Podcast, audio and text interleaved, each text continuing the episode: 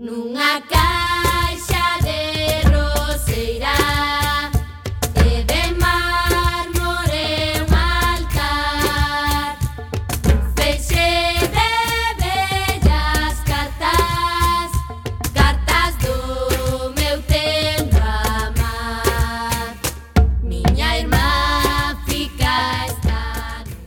Ola, que tal recendeiras e recendeiros? Benvidas e benvidos a este espazo radiofónico semanal dedicado á cultura que facemos en rigoroso directo todos os martes ás 7 da tarde aquí en Coac FM no 103.4 a Radio Comunitaria da Coruña.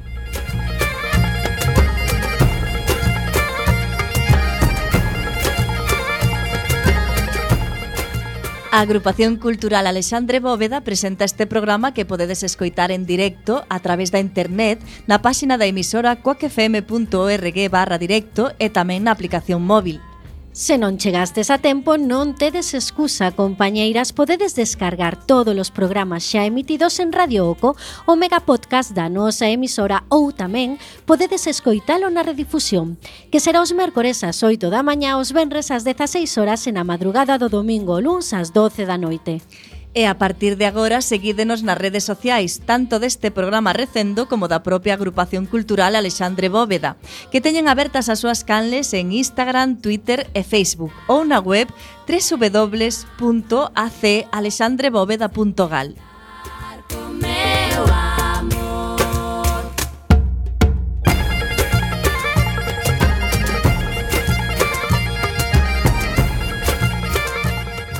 E xa sen máis, imos caraló na procura desta fantástica aventura cultural con Roberto Catoira no control técnico e falándolles coa almanteira Marta López e Diana López. Sempre está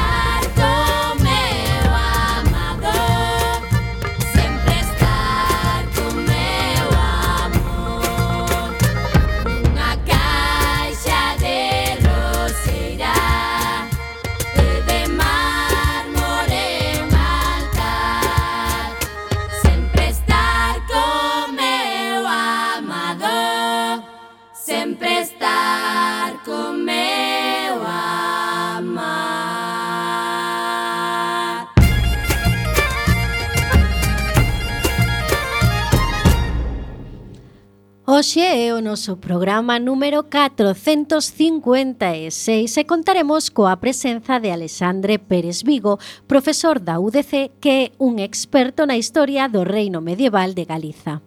Falaremos das actividades da nosa agrupación e das outras cousas que se fan na Coruña e na Galiza e que tamén son cultura.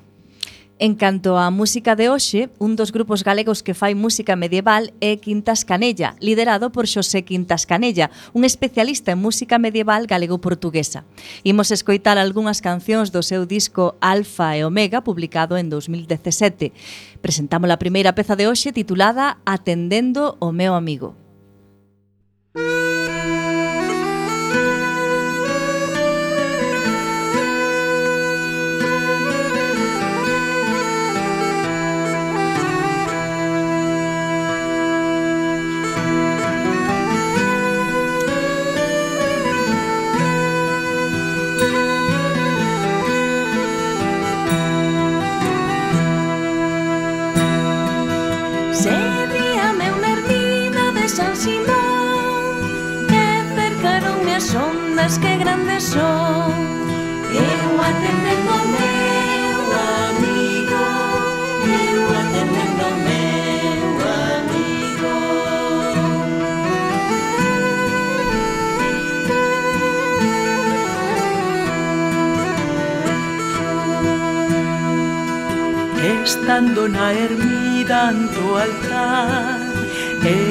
tocaronme as ondas grandes do mar. Eu atendendo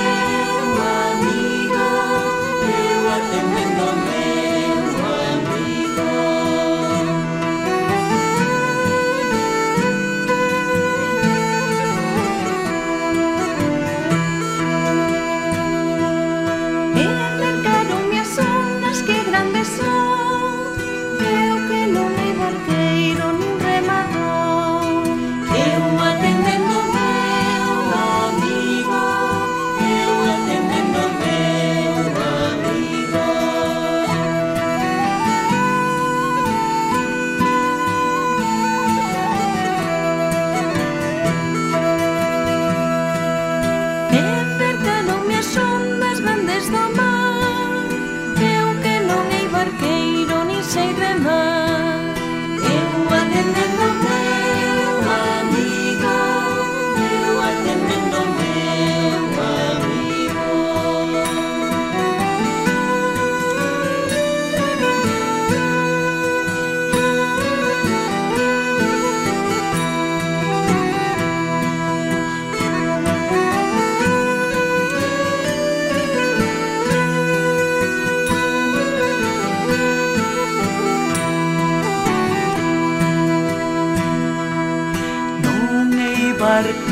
nin remador E morrerei fermosa no mar maior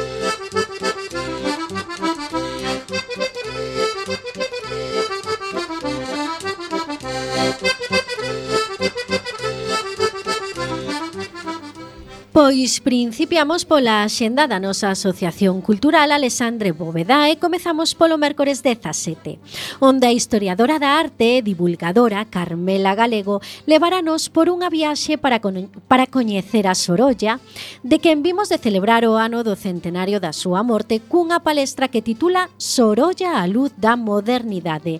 Será ás 19.30 horas no noso local da Rúa Santo André 36, primeiro andar. E o xoves 18 teremos un encontro con Víctor Hugo da Silva Vasconcellos, que nos falará das semellanzas gramaticais entre o galego e o portugués brasileiro. O galego, ademais de falarse na Galiza, conta con outras variedades en Portugal, Brasil, Timor-Leste e países africanos. Así, moitas estruturas lingüísticas son similares tanto no léxico como na gramática destas variedades. Víctor Hugo da Silva Vasconcellos é doutor en filosofía, en filoloxía galega e portuguesa na Universidade da Coruña. Foi profesor de lingua portuguesa e lingüista en colexios e universidades no Brasil. Será ás 19.30 horas no noso local. O Benres 19 preséntase no noso local a obra colectiva 50 anos de resistencia cultural 1973-2023 da Sociedade Cultural e Deportiva do Condado. O recén rematado 2023 foi o ano do 50 aniversario da, desta eh, Sociedade Cultural Deportiva do Condado. Será presentada por Xosé González, cofundador desta sociedade e a poeta Ángeles Penas, que recitou no primeiro Festival da Poesía no 80 71, os músicos Xico de Cariño e Xurxo Souto e o xornalista Carlos Barros, un dos autores da obra recopilatoria da historia da Sociedade Cultural e Deportiva do Condado. Será ás 19 horas no noso local.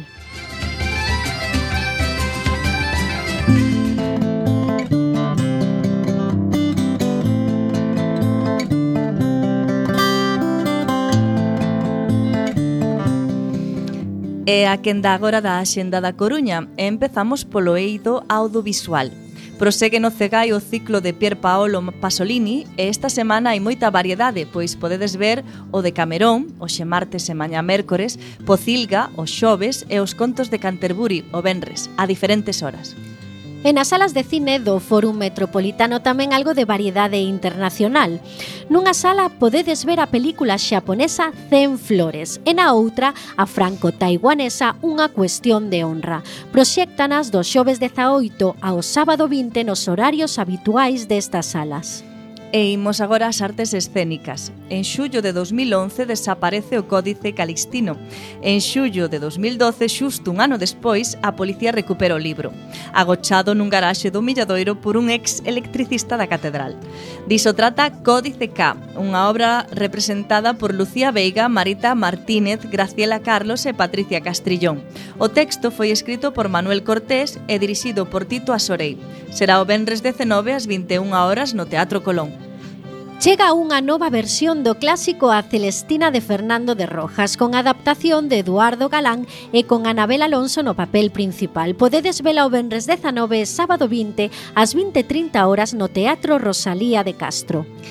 E para rematar, a compañía galega A Trastenda dos Contos representa a súa obra Contos debuxados de buxos cantados, a cargo do ilustrador Mar Taeger e o contador de contos Caxoto.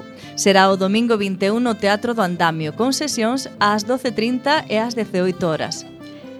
Quenda da música, principiamos eh, cun concerto de jazz a cargo do Late Night Jazz Quartet formado por Silvina Batista na voz, Alfredo Álvarez no piano, Quique Alvarado no baixo e Samuel Pérez na batería. Tocan o Benres 19 no Jazz Filloa con pases ás 21 a 30 horas e 23 horas. O barítono André Xoen acompañará a Orquestra Sinfónica de Galicia, dirixida por Roberto González Monjas, nun programa con pezas de Tarodi, Mahler e Honegger. Será o venres 19 ás 20 horas no Pazo da Ópera. A Orquestra da Cámara Galega dirixida por Roxelio Groba Fillo realizará un concerto de homenaxe ao mestre Roxelio Groba Pai, magnífico compositor de Guláns, Ponteareas, viveiro de músicos. Será o sábado 20 ás 20 horas no Teatro Colón. A Valenciana Phil Symphony Orchestra presenta o seu novo espectáculo Genco, con música de películas de James Bond, Indiana Jones, A Roca, Star Wars, Super Mario Bros, Almorzo con Diamantes, O Padriño e outras. Será o sábado 20 ás 19 horas no Pazo da Ópera. Os amantes do rock puro e de Led Zeppelin terán a posibilidade de gozar dunha das súas mellores bandas tributo chamada Led Zepp. Actúan o sábado 20 ás 21 horas na Sala Garufa. A Banda Municipal de Música da Coruña, dirixida por José Miguel Rodilla, ofrece un programa baseado na magna obra Cadros dunha exposición do compositor ruso Modes Mussorgsky. Será o domingo 21 ás 12 eh, cuarto no Teatro Colón. Xa no mes de decembro puido verse o ballet O Crebanoces de Tchaikovsky na nosa cidade, pero volve de novo. Nesta ocasión a cargo do Ballet de San Petersburgo. Será o domingo 21 ás 19 horas no Pazo da Ópera.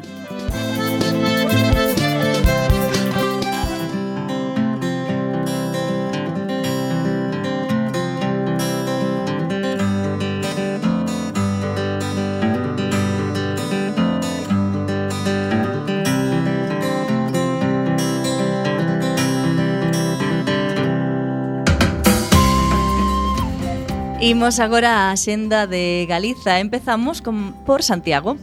Miquel Erechu iniciou a súa carreira profesional como vocalista do grupo Duncandú. Xa hai 40 anos. Xa hai varias décadas o grupo disolveuse e agora ten unha sólida carreira en solitario que pretende amosar o sábado 20 ás 22 horas na sala Capitol. Continuamos con Vigo. Se vos gusta a música dos anos 60 é posible que vos agrade o concerto do grupo chamado de Carol Kings, non confundir coa famosa cantante. Actúan o Benres 19 ás 21:30 horas na sala o contrabaixo da Rúa Venezuela 82. E pegamos un chimpo a Lugo. Luismi é un neno de 9 anos que vai a clase cunha mochila da súa serie de debuxos preferida, O meu pequeno pony algo tan inocente esperta as burlas, vexacións e a violencia máis brutal dos seus compañeiros. Esta obra está inspirada nos feitos reais sucedidos en Estados Unidos durante o ano 2014. Será o xoves 18 ás 20.30 horas no Auditorio Gustavo Freire. En Ourense, Iria Ares e Xoan Carlos Mejuto van de xira coa súa nova obra Escándalo en Palacio, baseada nunha idea de Pedro Ruiz que fala da difusión dun vídeo sexual dun presidente do goberno coa súa esposa, cando aínda non estaban casados. Será o venres 19 ás 20.30 horas no Auditorio Municipal. E imos a Pontevedra. O obradoiro titulado Ilustracións e Lettering mestura a arte de dibuxar letras coa creación doutros deseños de dibuxos e ornamentos complementarios para dar lugar a unha obra visual artística completa. Está dirixido ao público entre 8 e 12 anos e será o Benres 19 ás 17 horas na Biblioteca de Pontevedra. Hai que inscribirse antes na web da propia biblioteca.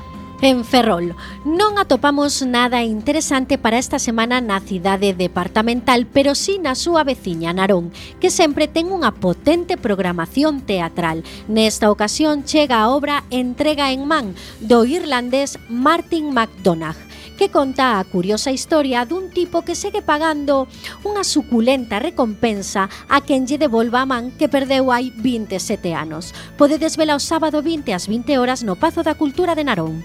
E hoxe, como vila convidada, imos a Redondela. A compañía Rabiero, Raba, perdón, Rababiero, leva anos organizando contos na lareira, gala na que actúan os mellores contadores galegos, normalmente en grupos de tres, pero aínda non sabemos exactamente quen o fará nesta ocasión, pero sempre moi fiable. Podedes velo sábado 20 ás 20 horas no Multiusos da Xunqueira.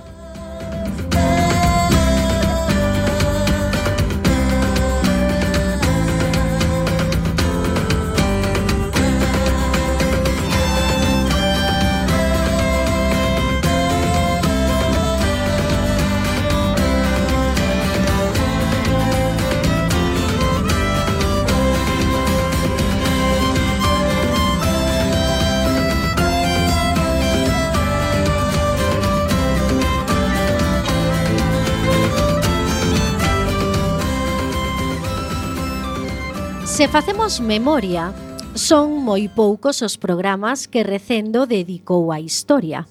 Recordamos os dedicados a célebres personaxes da nosa historia como Exeria ou Prisciliano, pero nunca dedicamos un programa a falar da historia de Galicia como país. Esta tarde tentaremos poñerlle solución a este esquecemento imperdonável cun programa no que falaremos do reino medieval de Galicia.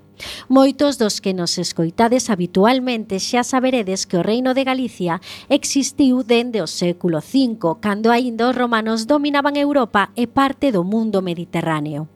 O reino de Galicia foi fundado polos suevos, un pobo xermano que ten o honor de fundar a primeira monarquía europea en Galicia aínda que non está moi claro. O Reino de Galicia ocuparía o actual territorio de Galicia, boa parte de Portugal e a actual provincia de León e de Asturias, mas este dato esperemos que sexa aclarado polo noso convidado de hoxe. O Reino de Galicia, dous séculos despois da súa fundación, foi asimilado polo Reino Visigodo, que podemos identificar coa coroa de Castela. Mais esta situación non duraría moito, pois pois a invasión musulmá remata co reino visigodo. Neste momento, o reino de Galicia recupera a súa independencia tanto dos visigodos que quedan baixo dominio musulmán como dos invasores árabes que non son quen de conquistar o reino de Galicia. Deste xeito, a península ibérica fica dividida en dous, España baixo o dominio musulmán e o Reino de Galicia, o único territorio na península baixo o dominio cristián. Esta situación duraría ata o século XV, no que o reino de Galicia é sumido baixo o control dos reis católicos. Para moita xente, o que narramos hai un anaco é totalmente falso. Grazas á historiografía española de século XIV ata os nosos días, non existiu un reino de Galicia independiente como tal, senón un reino nominal que pertenecía ao reino astur-leonés. O motivo polo que, os, polo que a historiografía española nega a súa existencia é para crear o mito dunha España unificada dende os visigodos e da que a España actual é herdeira directa.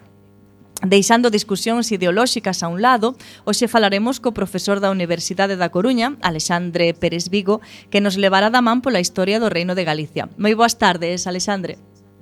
Hola, boas tardes. Boas tardes. Bueno, encantados de que encantadas de que estés aquí. Para comezar...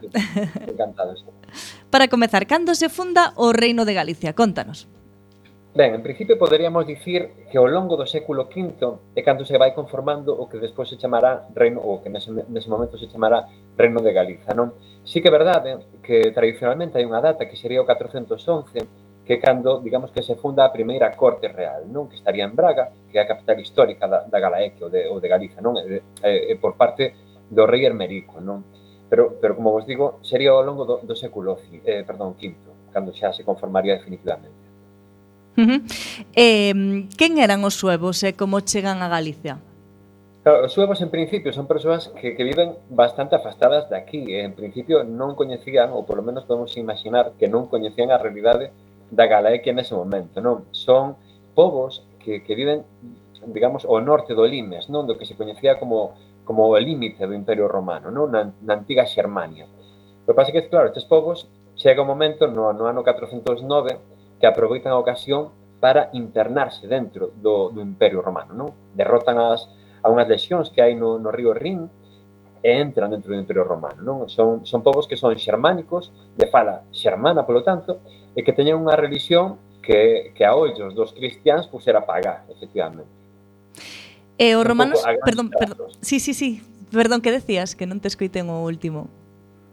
Sí, no, decía que iso, que, que eran pagáns a ollos dos, dos cristiáns, non? Eh, en principio, pois, pues, ese sería un pouquiño o retrato do, dos suevos nese momento, non? No século V e antes tamén, claro. Mm.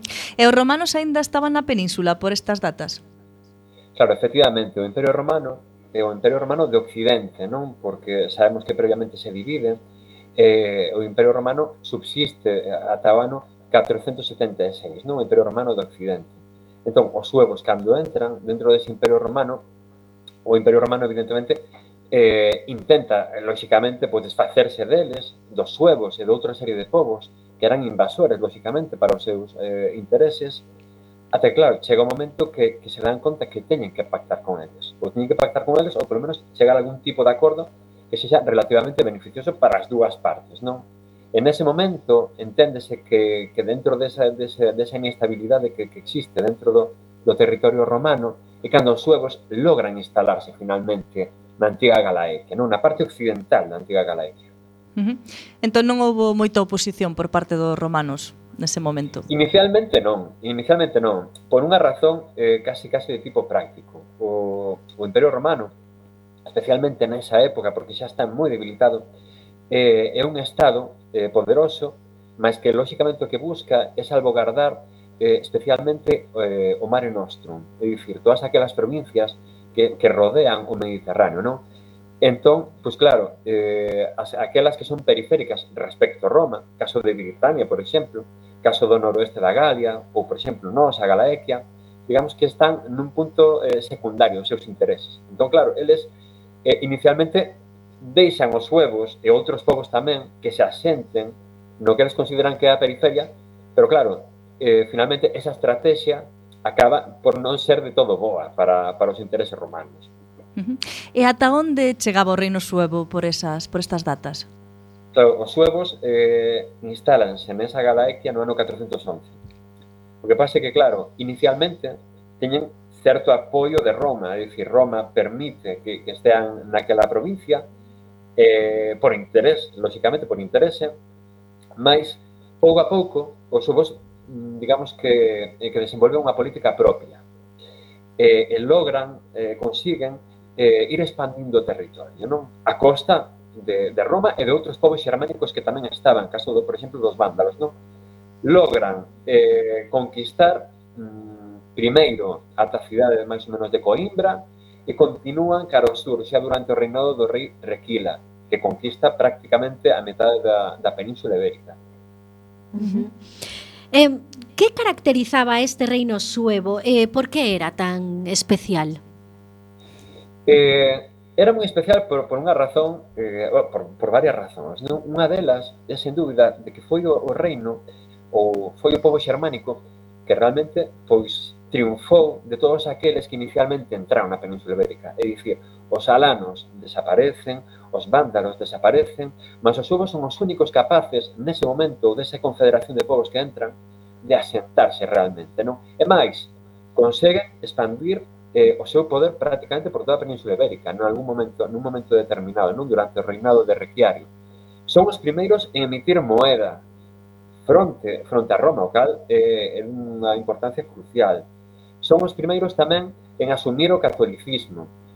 Eh, é dicir, conforma un Estado estável que durará máis un século, case dous, e digamos que está moi ben organizado, é dicir, chega a ser un Estado moi sofisticado para a súa época. Uh -huh, uh -huh.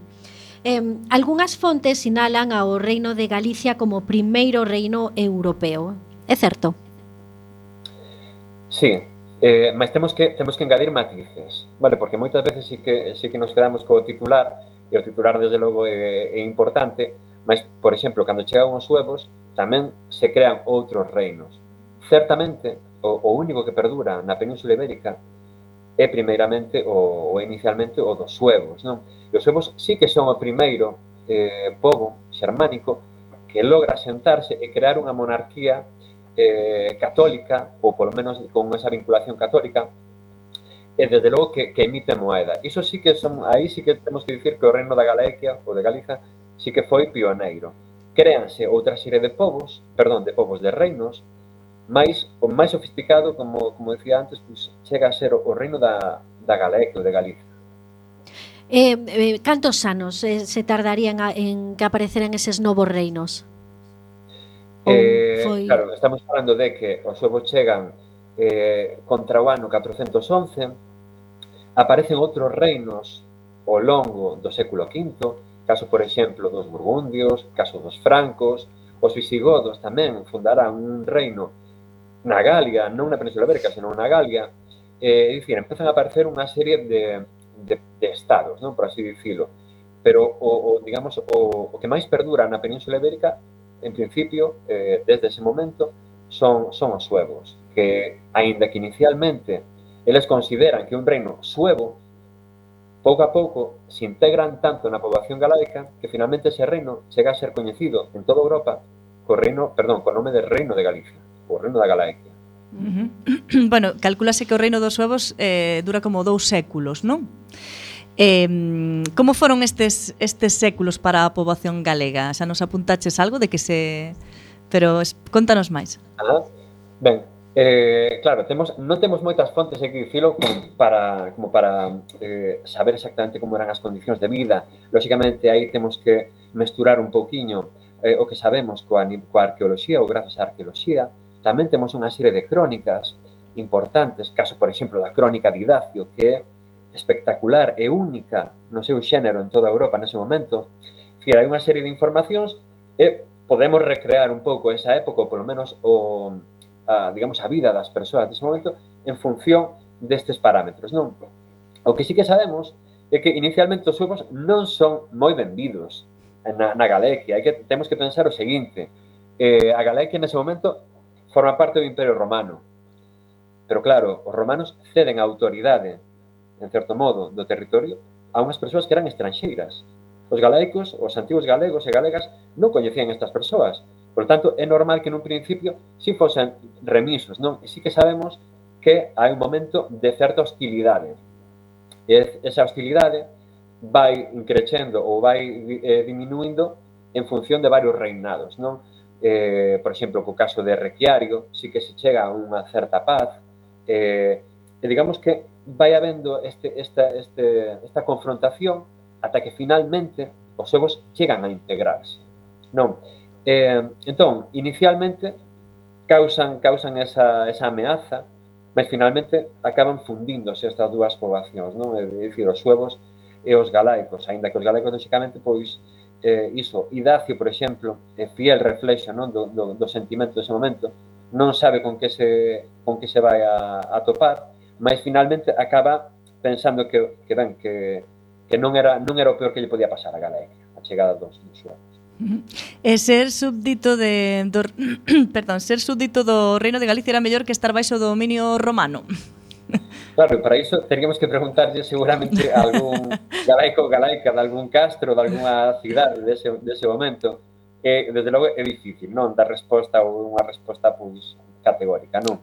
O que si sabemos, o que sabemos é que, que claro, nese momento non, te, non podemos perder de vista de que a Galaecia é nese momento, ou ata ese momento, un territorio dominado por Roma, desde a cidade de Roma, é dicir, non deixamos de ser un pouco conquistado, e, e polo tanto, controlado desde unha cidade que está pois, na península itálica. Con este reino suevo, posterior reino de, de Galiza, pois, digamos que, que os intereses eh, do territorio pasan a estar aquí. Entón, desde ese punto de vista, se cadra, pois, eh, esa autoridade romana podía ser vista, pudo ser vista, como dicía Orosio, como toda unha liberación para parte da, da poboación galaica. Agora, as elites que vivían ben con Roma non aceptan de entrada eh, esta, esta nova situación, ou polo menos non son moi eh, proclives a esta nova situación. E por que chega este reino ao seu fin? Claro, o reino suevo, digamos que ten eh, ten dúas, ou polo, polo que nós sabemos, ten dúas etapas moi moi claras, non? Ou case podíamos dicir tres etapas moi claras, non? Unha etapa moi coñecida eh, está formada polos tres primeiros reis, que son reis que amplían o reino no momento inicial. Despois chega unha guerra civil, e temos un valeiro de documentación, e finalmente temos eh, digamos, o, o reino, é dicir, o período final, no que sí temos moita máis información, no que se nos fala dun reino sofisticado e tamén se nos di de que hai un problema na sucesión. Eh, o rei Miro morre axudando tamén a outro príncipe visigodo eh, que era Hermenexildo e o pai de Hermenexildo era, era Leovixildo que era o rei visigodo de Hispania este, este rei aproveita esa, esa convulsión interna en Galiza, non? na Galaexia, para finalmente eh, con un exército entrar no reino eh, e atacar directamente a, a corte galega, non? a corte galaica que estaba en Braga. Sabemos que asedia radicalmente eh, ou profundamente a cidade, destrue gran parte dela, saquea todo o tesouro real do, do, de, do reino da Galaequia e faise co trono desta maneira. Non? Entón, eh, podemos dicir que nese momento sí que conclúe o que é a monarquía sueva, mas non, non conclúe esa idea, nin ese concepto, nin ese territorio de Galicia, nin, nin, de, nin da Galaequia. Vale, entón estes visigodos aproveitaron ese momento de debilidade, non? Entón, quen eran estes visigodos? Contanos un pouquiño. Claro, os visigodos son un pobo que, que realmente chega á Península Ibérica ou que polo menos se concentra na Península Ibérica en unha etapa posterior a dos suevos, é dicir, cando os visigodos chegan a, a fundar unha, ou situar en Toledo a súa, a súa capital, os suevos xa levan aquí moito tempo, e máis, xa están moi fusionados coa poboación local, non? Claro, os visigodos perden unha batalla que é moi famosa a comezos do século eh, VI, que é a batalla de Buillén, e os francos expulsan os, os visigodos que teñen que recluirse na, na península ibérica, non? Claro, a diferenza entre os suevos e os visigodos, a pesar de que os dous eran povos eh, centroeuropeos ou no caso dos visigodos un pouco máis do leste, radica no, no sentido de, da religión. Os suevos, digamos que xa fan, ou fanse católicos, por menos na súa maior parte, mentre os visigodos seguen outra disciplina que é o arianismo. Eh, este un pouco sería algo que, que marca moi claramente non esa, esa diferenciación nese momento exacto. Eh, que sucede co reino de Galicia durante a dominación visigoda, aparte de a, o tema relixioso? Claro, o que sí que sabemos é que este, este rei, Leovigildo, chega a Galaequia e, eh, e logra facerse co control non? Da, da Galaequia. Entón, el eh, pasa a titularse rei de Hispania, rei de Septimania ou da Galia Narbonense, e finalmente rei da Galaeque tamén, é dicir, ele entendía que eran tres entidades, é dicir, todo, é dicir na Península Ibérica entendíase que eran entidades políticas con, distintas, é dicir, eran países distintos, non? Entón, esa Galaequia intégrase dentro desa monarquía, pero non se, non se dilúe, é dicir, unha cousa é Hispania, outra cousa é a Galaequia e outra cousa é Septimania, que era a parte sur do que hoxe sería o Estado francés, non? Os sínodos son diferenciados, As leis son diferenciadas, e digamos que o encaixe de, da Galé que hai, pois digamos que é con unha grande autonomía. E máis, eh, é tal a autonomía que en algún momento dado eh, os visigodos chegan a, a controlar directamente ou teñen que controlar directamente in situ a Galequia, por exemplo, con, algún, con alguén de confianza, caso, por exemplo, do, do príncipe Vitiza, non? que si, isto sí que máis ou menos sí que o sabemos por as crónicas. Entón, o reino de Galicia non desaparece como tal ou... Non desaparece, eh, é dicir, eh, como tal, efectivamente, máis sí que desaparece, é dicir, desaparece esa monarquía independente. Uh -huh. É dicir, pasa a estar controlada, a Galicia pasa a estar controlada desde Toledo. Pero, ollo, sí que sabemos que hai moitas rebelións, de feito, cando Leovixildo se fai co trono da Galicia, automáticamente o ano seguinte ten unha revolta xa. Hai un nobre que se chama Malarico, que é apoiado por gran parte da poboación, e intenta recuperar a independencia do reino da Galia, que isto sabémolo bastante ben a través das crónicas. Esa revolta frustrase, mas, xa vos digo, eh, garda moita autonomía, é dicir, segue sendo considerado un reino máis sobre, sobre soberanía visigoda, o baixo, soberanía visigoda. Uh -huh. eh, podemos atopar máis pegadas dos visigodos que dos suevos na nosa historia e cultura? Claro, isto é relativamente complicado no sentido de que eh, moitas veces a arqueoloxía non é capaz de discernir, por exemplo, unha peza sueva de outra peza visigoda. Uh -huh. Si sí, podemos imaginar que son pezas xermánicas, mas non existe, polo menos de momento non existe ese, ese grau de, de diferenciación. Eh, o, que sí que, o que sí que temos claro é o seguinte, os suevos chegan aquí e asentanse aquí. É dicir, non sabemos o número exacto, moitas veces sí que se ten dito serán 50.000, serán 60.000, non o sabemos, mas, por exemplo, os visigodos non temos constatación de que se asentasen aquí.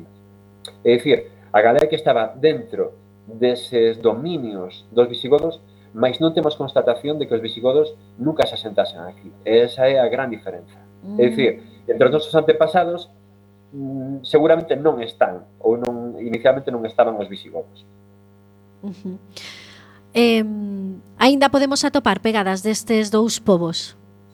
E onde? Sí, a parte, a parte de, por exemplo, de moitas palabras que utilizamos diariamente, que son xermánicas, eh, sí que existen certos santuarios, por exemplo, venseme un pouco a mente San Pedro de Rocas, por exemplo, que foi fundada no a finais do século do século VI, ainda ten ali a pedra fundacional.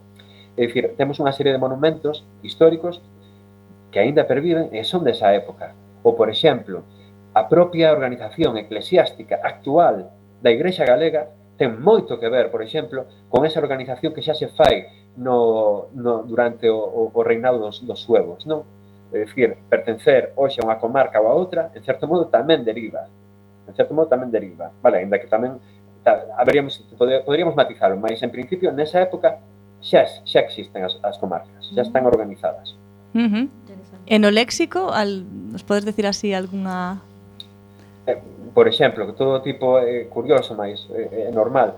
Eh, no léxico, pois, case, case, case todo tipo de léxico relacionado ca guerra, ou, por exemplo, por, en caso das luvas, decir, temos léxico que ven, ou que por, por menos ten orixe xermánica, desde logo que si que sabemos é que hai moitos topónimos de orixe xermánica, que lóxicamente teñen que ver, teñen que vir dos, dos pobladores suevos. Tamén moitos nomes de persoa, e moitas moitas vilas, eh, por todo o país, realmente. Incluso hai algunhas parroquias que levan rei, perdón, nomes de reis. Por exemplo, o caso de Requián ou de Requiari, hai varias vilas que, que ainda conservan iso. Uh -huh. E canto dura a dominación visigoda? Polo que sabemos, desde o ano 585 ata aproximadamente o ano 711. No 711 está esa batalla tan famosa que aprendíamos todos na escola, basicamente, para a batalla, aquela batalla de Guadalete, fose tan ou non importante, en realidade sí que se moitas veces sí que se marca, non? Como como a fin do, do dominio visigodo, non? Entón, desde ese momento sí que esa monarquía visigoda desaparece ou prácticamente desaparece e aí podemos dar por concluído máis ou menos o, o dominio non? visigodo na Galaecia. Uh -huh. E por que a invasión musulmana non é capaz de penetrar no territorio correspondente ao Reino de Galicia? Claro, certamente non sabemos moito de, de, desa época, non temos algunha crónica, caso da crónica mozárabe, non sabemos exactamente o alcance desa, desa conquista, moitas veces sí que se fala da conquista dos musulmáns, ainda que a mí, por exemplo, personalmente gustaba máis falar da conquista do califato eh, islámico, dicir, porque nos dá a idea dun imperio, e realmente era un imperio, imperio musulmán, o imperio islámico, o califato Omeya, e ese califato é moi poderoso e absorbe a boa parte dos, dos, dos visigodos. Non só militarmente, senón que moitos deses visigodos, ou dos nobres visigodos, digamos que, que, que mudan de religión para conservar tamén o seu estatus, non? Ben, o que sí que sabemos é que na Galequia non chegan a sentarse. Seguramente non por falta de interese, senón por falta de tempo.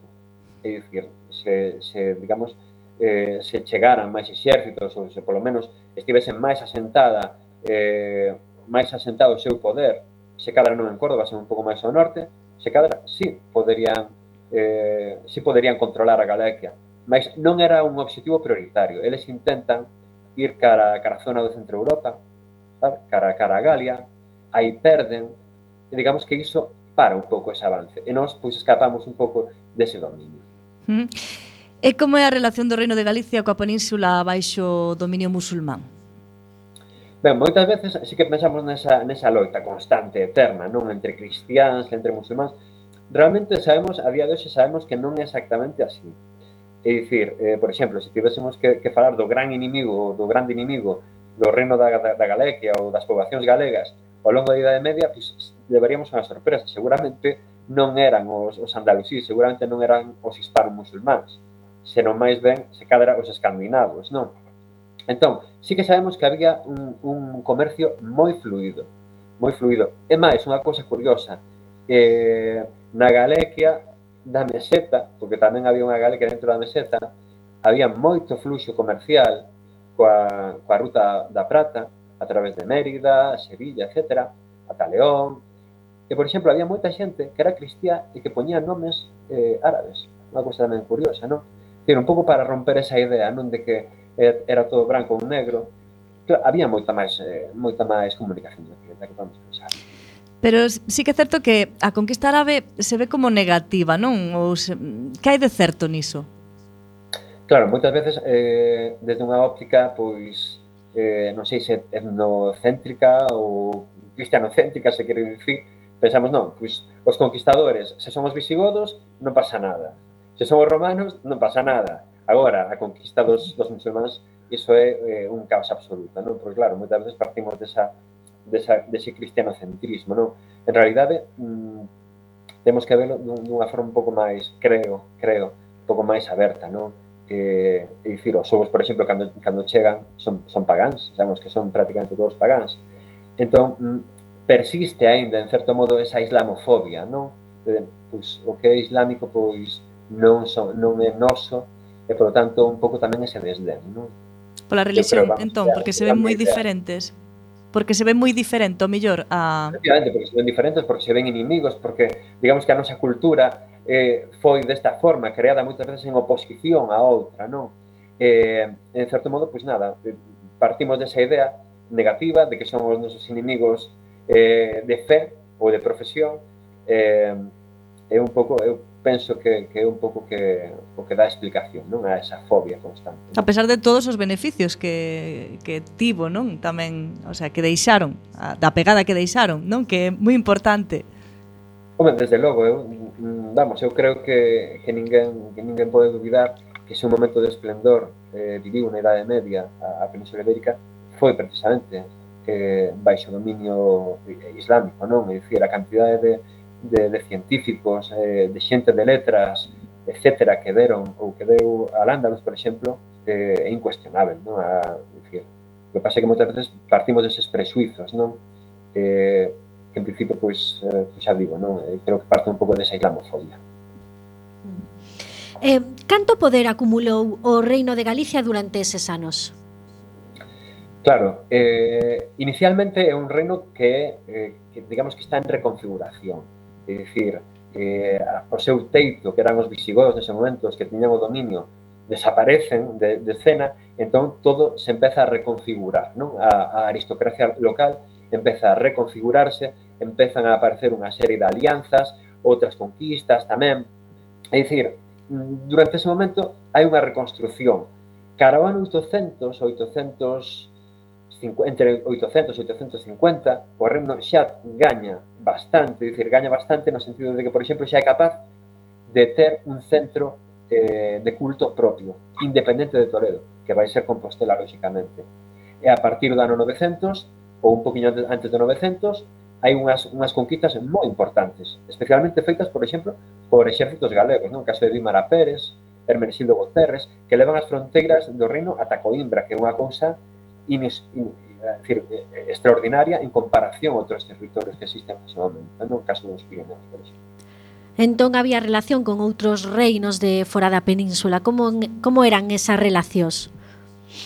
Claro, sabemos, por exemplo, que as relacións cos escandinavos pois, eran fluidas, uh -huh. eh, infelizmente tamén para os propios habitantes galegos e galegas da, da costa, máis sí que sabemos, eh, un pouco bromas aparte, parte, de que si que había moita conexión, por exemplo, coa Aquitania, e dicir, con toda a xente da, da órbita eh, gala ou francesa, si que había moita relación tamén eh, coas illas británicas, de feito, hai moedas, da, de, por exemplo, do reino de Northumbria, que apareceron, eh, que están, por exemplo, no Museo de Lugo, penso, o, creo recordar, e dicir, evidentemente, falasenos eh, dun contexto global, é dicir, onde, onde, onde Galiza, eh, digamos que está nese centro do Atlántico, non? E, eh, por exemplo, xa non falemos das moedas tamén, como falábamos antes, un poquinho eh, eh, musulmás, non? Ou, ou que chegan directamente desde, desde Alándales, non? É dicir, é un, é un territorio moito máis rico e moito máis eh, comunicado do que pensamos, non? Ou, por exemplo, o caso de Afonso II, que é íntimo aliado de, de Carlomagno, non? É dicir, iso danos un pouco esa visión de, de global, non? internacional podemos dicir que foi un reino pacífico ou había eran habituais os conflictos nos territorios? Ah, claro, iso, iso é, habría que preguntar tamén, non? A, os, os reinos veciños. É curioso porque os, o, moitos dos autores, non todos, mas moitos autores andaluxis sí que calificaban os galegos como extremadamente belicosos. Mm. Eh, ou extremadamente belicosos con eles, con eles, vale, basicamente, dicir, cos, cos andalusís, non? E incluso dicían que, que a cólera dun, dun galego ou dun galaico máis máis en concreto era moi superior a de calquer, a de calquer franco, non? É unha cousa tamén curiosa, non? No interior houve, había moitas conxuras, houve moita guerra civil, había reis ou reinados que duraban moi pouco tempo, especialmente no século X. É dicir, que Pacífico sería igual de pacífico que calquera outro reino da época, temo meu. Eh, cantos habitantes podería ter o reino de Galicia durante eses séculos? Ui, é unha pregunta, desde logo, moi complexa, non? Eu aí non me podo mollar, basicamente, porque non temos fontes de información.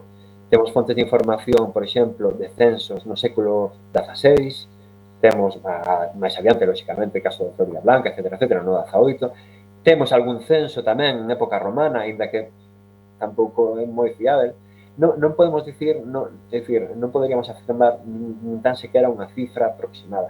O que sí que podemos dicir é que era un territorio o noso, é dicir, dentro do Reino de Galicia, o, a parte occidental, estaba moi poboado, moi, é dicir, eh, unha densidade de poboación altísima. E isto sabemoslo eh, basicamente polos núcleos de poboación que, de feito, que ainda, que ainda existen, non? É dicir, era un territorio moi poboado nesa época, máis non temos datos eh, poboacionais de, de, dese punto de vista. Non? Eh, cal era o principal motor económico? Básicamente, basicamente como, como no resto da, da Europa medieval ou feudal, eh, basicamente eh, era agricultura. Agricultura, gandagricultura, eh, eh, e o comercio pois tamén tiña peso, máis nese momento non tanto en comparación, por exemplo, con estas actividades eh, moito máis primarias, dicir, en principio pois, eh, pois isto, non? A agricultura, eh, gando, despois a guerra tamén, e os botins de guerra tamén eran unha actividade que se realizaba moi frecuentemente, eh, chegaba o verán, e era habitual, unha práctica habitual, mas en principio non, non se distancia moito do que era do que era calquera outra reino no, no, en Europa, non? ou pelo menos en, no norte de Europa. E como acontece a perda de poder do reino de Galicia? Contanos. Claro, eh, é unha historia curiosa porque ata ese momento, ata o século XIII, o reino de, de, de Galiza, pois ten unha historia mm, pois, en certo modo moi, moi variable, non? É dicir, hai unha serie de condados que son moi poderosos, caso, por exemplo, do condado galego de Portugal, o futuro Portugal, eh, que se independiza, é dicir, independizase, hai unha loita entre Ostrava, entre a Casa Condal portuguesa, e no século XII independízase, o cal pois tamén marca un pouco a nosa historia. Eh, no leste, Castela, que era outro condado tamén moi importante, eríxese como reino independente. É dicir, que pouco a pouco esa, esa, ese gran reino vai se vendo un pouco máis reducido e no século XIII, no ano 1230, eh, pasa algo que é fundamental. O noso último rei, Afonso VIII, morre, e o rei que estaba nese momento en Castela, que é Fernando III, usurpa o trono eh, galego leonés e faise, eh, faise co trono, aínda que aínda que lle custan dous anos, basicamente, facerse realmente con ese con ese reino, non? E aí finalmente é cando cando empeza o declive político, volvemos desde ese punto de vista de, de Galicia, non? Eh, Por que esta animadversión cara aos, cara aos galegos? Ben, isto eh, podemos, en certo modo podemos eh, ligalo a isto último que me preguntabas, non sobre de cando comeza o declive, non? Sabemos que no século XIII hai unha guerra que é bastante profunda entre entre Castela, ou mellor dito, entre a monarquía castelá e a monarquía galego-leonesa, non? Os cronistas que están en Castela, mmm, digamos que claro, plasman eh, de unha forma moi propagandística, tamén hai que dicilo, plasman unha idea negativa sobre os galegos, en canto que son rivais políticos. Non. Dicir, xa, por exemplo, Ximénez de Rada dicía que os casteláns eran vasalos leais, e os galegos pois eran, os galegos e os daneses pois eran outro tipo de vasalos, xa non tan leais, etc. etc. Claro, isto está escrito por unha persoa que traballa para, para a monarquía castelá, non? É dicir, pouco a pouco, esa idea vai se establecendo, non? E finalmente, cando Castela logra facerse coa hexemonía, ese discurso que é o que comeza a ser antigalego chega a ser un discurso oficial. E isto vai increchendo co, ao longo dos séculos e xa durante o século XV, eh, perdón, eh, XV eh, xa é clarísimo, non? Hai unha hai unha hai unha, unha galaicofobia que como comúnmente lle chamo, ainda que non fun inventor desta, deste termo, e aí sí que realmente eh, ten uns tintes políticos moi claros. E como se foi filtrando este odio ao galego nas clases populares?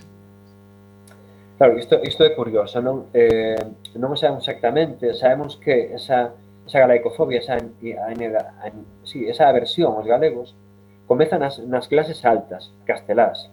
Por exemplo, o, o rei eh, Xoan II de Castela, cando falaba do, do reino de Galiza, dicía aquel barranco cerrado de montañas, non? É dicir, unha forma un pouco despectiva, non? sempre era aquel reino, non para os, tras, para os trastámaras sempre era aquel reino, non? O rei Fernando II de Aragón chama aos galegos feroces. Quer, temos unha serie de, de, de documentos moi despectivos desde as elites castelás. Pero unha cousa curiosa é que a finais do século XV xa existen unha serie de, delitos e de refráns que son tamén antigalegos, o cal quere dicir que iso tamén se filtrou, é dicir, que esa propaganda Chega ás clases populares en Castela, na meseta. Xa no século XVI e XVII xa é clarísimo. E por que unha boa parte da historiografía española nega a existencia ou a importancia do Reino de Galicia? Claro, moitas veces eh, dicir, hai, hai unha serie de factores, unha suma de factores. Un dos factores, por exemplo, pode ser isto do que estábamos a falar, non? É dicir, hai un certo desprezo, hai un desprezo, vamos, no século XVIII, XVII e XIX, haino perfectamente, moi visível, cara aos galegos, entón, como que dicir que, os, que a orixe, en certo modo, do, do poder ou da monarquía na Península Ibérica está eh, en máis de galegos ou de galaicos nese momento, digamos que non é moi asumible, iso por unha parte. Por outra parte, en Castela eh, teñen que facer unha, unha, unha historia propia. Castela é un reino relativamente recente se se compara con, con Galiza, non? Entón, eles teñen que crear unha historia propia, pero unha historia desvinculada dos galegos, non? Entón, digamos que, que isto vai se arrastrando, Castela chega a ser, basicamente, a cerna do futuro Estado español, e toda esa historiografía vai, eh, vai digamos, eh, collendo esa, esa castelan, ese castelano-centrismo, non? E finalmente, claro, é dicir, mm, eles, en certo modo, buscan a xustificar a propia creación do Estado español de España e non pode estar de, de ninguna forma a orixe, ningún tipo de poder radicado no, no noroeste. É dicir, eles buscan un pouco máis na meseta, buscan no pasado dos visigodos, eh, digamos que, que vai por aí, non? Pois, eh, para, para rematar, ¿no? Sí, para, re ¿Sí? para rematar, eh, nos pode recomendar algún libro para profundizar máis ne, no, no reino, na historia do reino de Galicia? Pois, pois, desde logo que sí, desde logo que sí. Eh, hai un libro, ou hai, en realidade, en realidade hai, hai moitas, moitos libros, moitas obras, moitos artigos, cada vez se coñecen moito máis do reino de, de, de Galiza, non? A nivel máis, eh, pois, podemos dicirlo, máis, máis, máis cotiá, eh, eu recomendaría varios libros, caso, por exemplo, do, da historia, perdón, do reino medieval de Galiza, Anselmo López Carrera, Indubidável, penso que xa é un clásico, do, de, deste tipo de estudos. Eh, os, os traballos tamén de, de Camilo Nogueira tamén son, creo que fundamentais, eh, son achegas moi moi moi importantes. Últimamente, nos últimos anos, o ano pasado e máis outro máis, tamén saíron libros de Francisco Rodríguez, non? Unha etapa estelar e conflictiva de Galiza, que tamén recomendo moito, moi focado, por exemplo, no século XIV, ou por exemplo tamén de Casimiro Torres, que tamén son clásicos, ou por exemplo de López Teixeira, non? Arredor da confirma, perdón, da conformación do Reino de Galicia, non? Penso que son libros que, que achegan dunha maneira bastante entendível eh, a historia do reino, eh, especialmente na Idade Media. Despois na Idade Moderna, aínda tamén existe unha cantidad de bibliografía tremenda, non? O problema se cadra é que non chegue, digamos, a tanta, a tanta xente. Non? Iso se cadra é un, un pouco o problema de todo isto. E os reis e as raíñas da Galicia, non? Tamén recomendable. Efectivamente, desde logo, desde logo. Isto saíra, desde logo, saíra tamén en, en Xaneiro, eh, aínda aínda non está, ou polo menos eh, creo que aínda non está, mas desde logo, claro, será unha referencia tamén espero que se xa recomendado, desde logo. Pois moitísimas gracias, Alexandre. Foi un auténtico placer oh. falar contigo e que nos eh, enseñases todo máis sobre o Reino de Galicia que sigue sendo un gran descoñecido. Moitísimas gracias, gracias, un placer. E sen tempo para máis odiseas imos chegando a fin do camiño deste recendo. Despedimos o programa de hoxe agradecendo o noso convidado, que foi Alexandre Pérez Vigo, profesor da UDC, experto eh, na historia do Reino Medieval de Galicia. E agradecendo a semente pedra angular de todo, o noso comando e equipo de produción formado por Javier Pereira, Gema Millán e Roberto Catoira. E aquí estivemos Roberto Catoira nos controis e co alento do micrófono Marta López. Ediana López. Acompañándote en este recendo de palabras edimasias radiofónicas que nos traen este aroma cantado en a nosa lingua,